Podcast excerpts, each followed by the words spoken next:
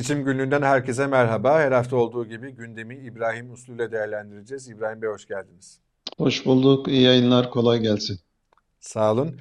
Bugün ekonomiyi konuşacağız. Malum gündemde iki önemli madde var. Bir tanesi zincir marketler meselesi, diğeri de asgari ücrete ne kadar zam yapılacağına yönelik tartışmalar. Bugün e, ilk toplantının ilk turu başladı. Zincir market meselesiyle başlayalım isterseniz. Bahçeli ilk başta e, zincir marketleri sert bir şekilde hedefine oturttu. E, sürekli zam yapan e, marketlerin FETÖ ile bağlantısı araştırılsın dedi. Geçtiğimiz haftada Cumhurbaşkanı Erdoğan denetimin sıklaştırılacağının sinyallerini vermişti. Nitekim bugün e, Cumhurbaşkanı imzasıyla resmi gazetede bir yönetmelik yayınlandı ve 200'den fazla şubesi olan e, zincir marketlerin ürün bilgilerini ve şube bilgilerinin Ticaret Bakanlığı'nın sistemine girmesi e, isteniyor. Şimdi şu tartışma var. Acaba bir fiyat sabitlemesi hatta bazı ürünlerde fiyat indirimine zorlanması e, mı gelecek diye. E, bu da akla Macaristan seçimlerini getirdi. Macaristan'da bildiğiniz gibi bu bazı temel ürünlerde yapılmıştı. Enflasyonla mücadelede aynı zamanda ücret zamlarıyla beraber Orban anketlerde kaybedeceği bazı anketlerde en azından kaybedeceği gözüken seçimi muhalefetin ortak adayına karşı kazanmıştı. Ne diyorsunuz? Türkiye'de de Macaristan'a benzer bir e, senaryo olması mümkün mü? Ya da Macaristan'dan dersler çıkarmış iktidar bu politikaları mı uyguluyor? Ne dersiniz? Yani onu tamamen uygulayamayacağı aşikar çünkü bu yeniden değerleme oranlarına falan baktığınızda bu trafik cezaları vesaireler falan oralarda enflasyonun üzerinde artışlar yaşandı. Şimdi e, iktidar iki zorlukla karşı karşıya. Bir taraftan enflasyonu kontrol altına almaya çalışıyor ama öte yandan da kaynak bulması lazım. Niye? Çünkü ciddi bir seçim ekonomisi programı var. O seçim ekonomisi programını hayata geçirebilmek için de kaynağa ihtiyaç var. Onun için de e, şeye e, bazı gelirlerden çok gelir elde ettiği e, kalemlerden fedakarlıkta bulunamıyor. Şimdi e, eğer sabit fiyat sabitlemesine gidecek olursa kendi e, satış yaptığı işte başta enerji olmak üzere bazı ürünlerinde fiyatlarını sabitleyebilmesi lazım ama bu şu an için mümkün görünmüyor. Niye? Oradan ciddi geliri var ve o gelirleri kaybedebilme lüksü ya da imkanı şu an için söz konusu değil. O yüzden yani kendisi zam yapmaya devam ederken sadece market zincirlerin e, belli ürünlerine ya da işte tüketicinin gündelik yaşamını etkileyen e, markette satılmıyor olsa bile onun dışındaki mecralardaki ürünleri e, falan şey fiyatını kontrol altına alabilir mi?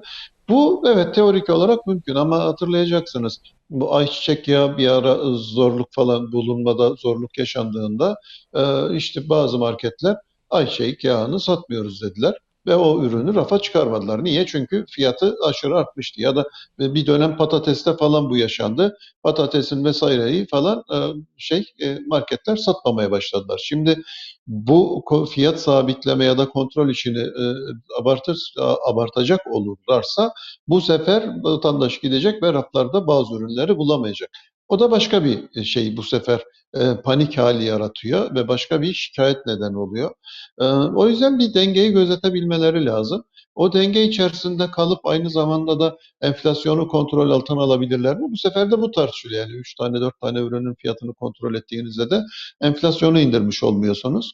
E, ayrıca şeyde hani marketlerde kontrol ettiğinizde pazarlarda, bakkallarda falan filan yani oralarda bu işi nasıl kontrol edeceksiniz? Çeşitli zorluklar var. Şimdi normal olan enflasyonla mücadele programı açıklayıp enflasyonu indirmek e, olmalı iken onun yerine böyle alternatif teknikler kullanıyorsanız o zaman bir sürü komplikasyon riskini de göze almış olmanız lazım.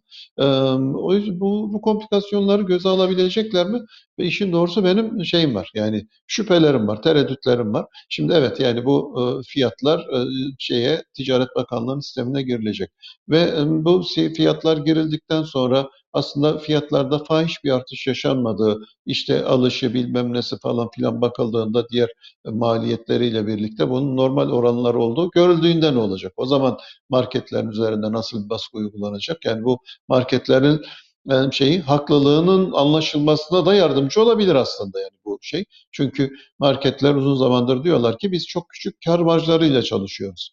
Ee, şeyin BİM'in CEO'su da onu söylemişti yani öyle bir sektör varsa biz oraya girelim yani. Bizim sektörde kar oranları işte yüzde beşler onlar falan civarında diğer kar oranlarını da vermişti. Ortalamaları vesaireleri falan.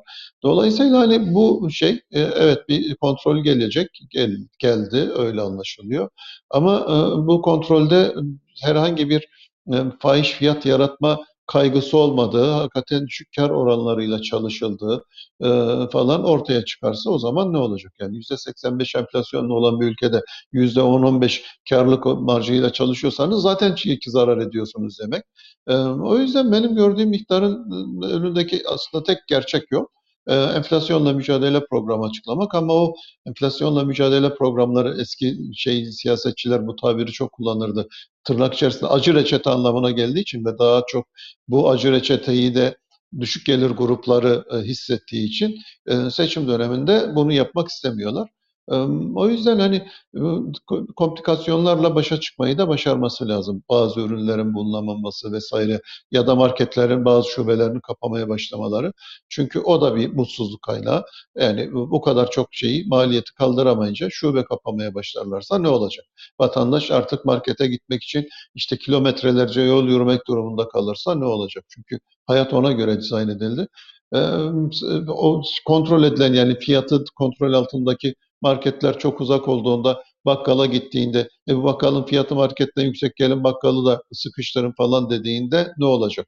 Bu sefer hükümet sadece 5 marketle değil, şey zincir marketle değil, bütün bakkallarla mı karşı karşıya gelecek? Böyle bir sürü benim gördüğüm yanıtlamaları gereken şey var, soru var ve bu soruların tamamı siyasal komplikasyonlar da içeriyor. O yüzden şey ben de merak ediyorum nasıl yöneteceklerini işin doğrusu. Şimdi bu, bu sorulardan bir tanesini açalım isterseniz. Dediğiniz gibi evet bu uygulamanın sonucunda bazı marketlerin raflarında bazı ürünleri bulmak zorlaşabilir. Bazı ürünlerde hem üretici hem de satıcı için işler zorlaştığı için ürünlerin kalitesizleşmesi, kara borsaya düşmesi birçok komplikasyon var dediğimiz gibi ama aslında burada bu somut bir şekilde bu e, alım gücündeki düşüşü çözmek yerine sanırım e, bazı zincir marketleri enflasyon konusunda günah keçisi ilan ederek bir algı e, yaratmaya çalışıyor iktidar. Zaten burada da hedef alınan belirli e, yani ismi de bilinen işte siz de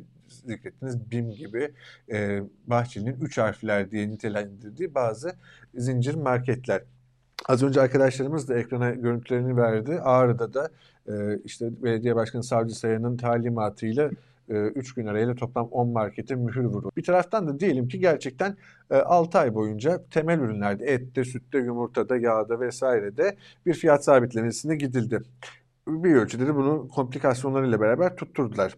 Bu sonuçta ciddi bir e, halkın ciddi bir kesimi için hem de maaşların artması ve oradaki satın alacağı temel ürünlerin fiyatlarının sabitlenmesiyle beraber enflasyonun gündelik hayata yansımasında e, kısıtlı da olsa bir etkisi olacak. Bu algı operasyonuyla beraber e, iktidarın ekonomiyi e, bir şekilde dizginleyebildiği, enflasyonu dizginleyebildiği ve ekonomiyi kontrol altına alabildiği e, algısını seçmen nezdinde yaratması ve seçime giderken de bu e, atmosferle gidilmesi mümkün mü?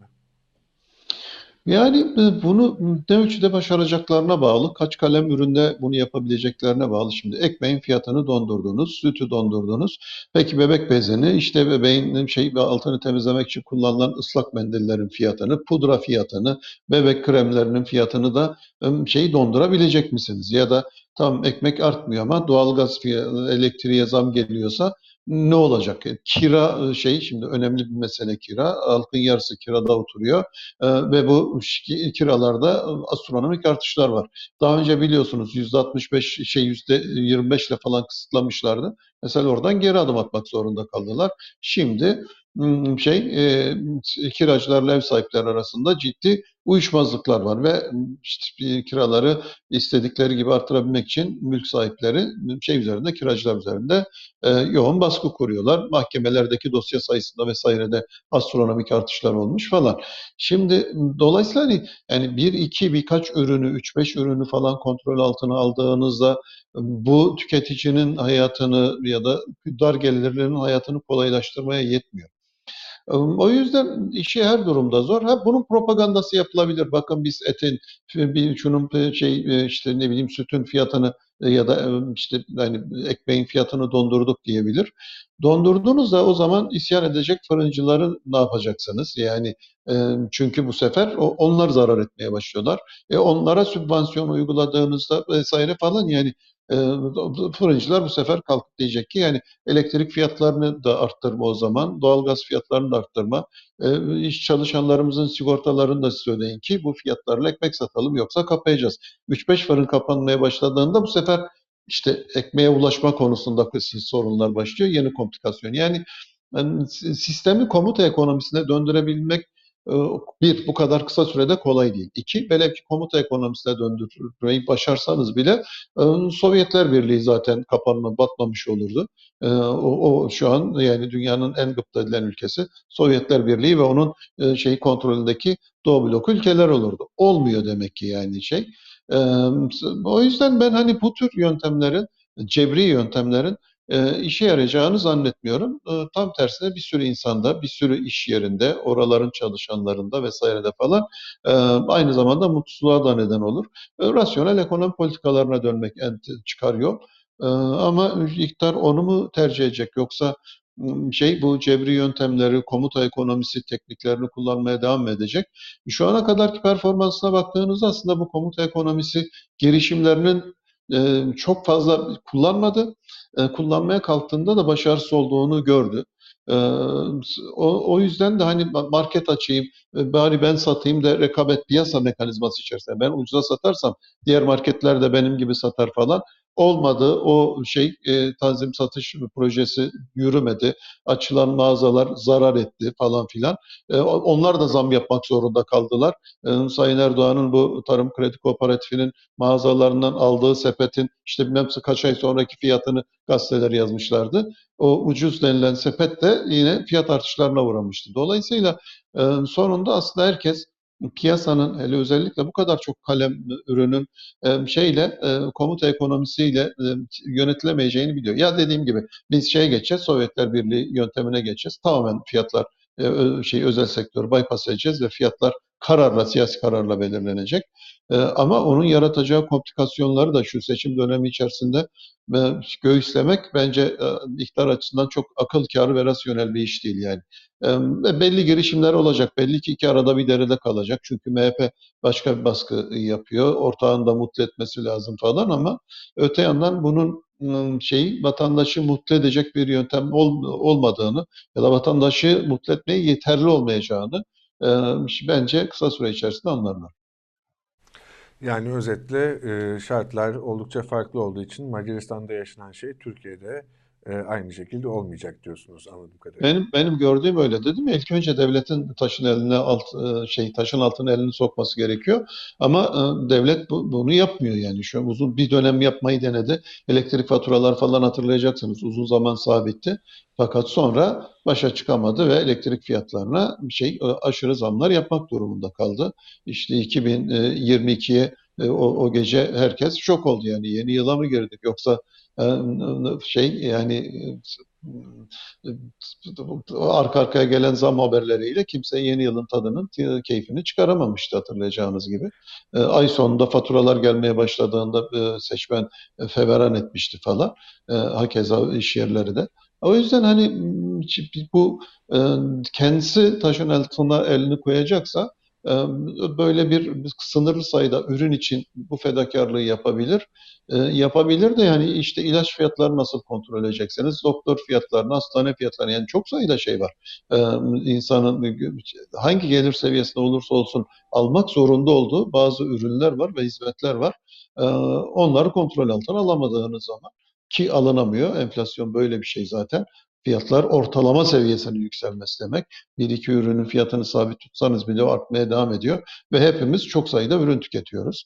Ee, öyle olunca bunlar e, hani palyatif tedbir bile değil. Bence sadece e, iktidarın ekonomi, e, vatandaşın ekonomiden memnuniyetini olumsuz etkileyecek risk faktörlerine dönüşebilir. Evet, seçim ekonomisi hamlelerinin e, ekonomiye ve seçmene nasıl yansıyacağını e, yılbaşından sonra hatta Ocak ayının sonuna doğru görmeye başlayacağız. Gördükçe de sizinle değerlendireceğiz. İbrahim Bey çok teşekkürler değerlendirmeleriniz için. Ben teşekkür ederim. Hoşçakalın. Her zaman olduğu gibi İbrahim Usu'yla gündemi değerlendirdik. Bizi izlediğiniz için teşekkür ederiz.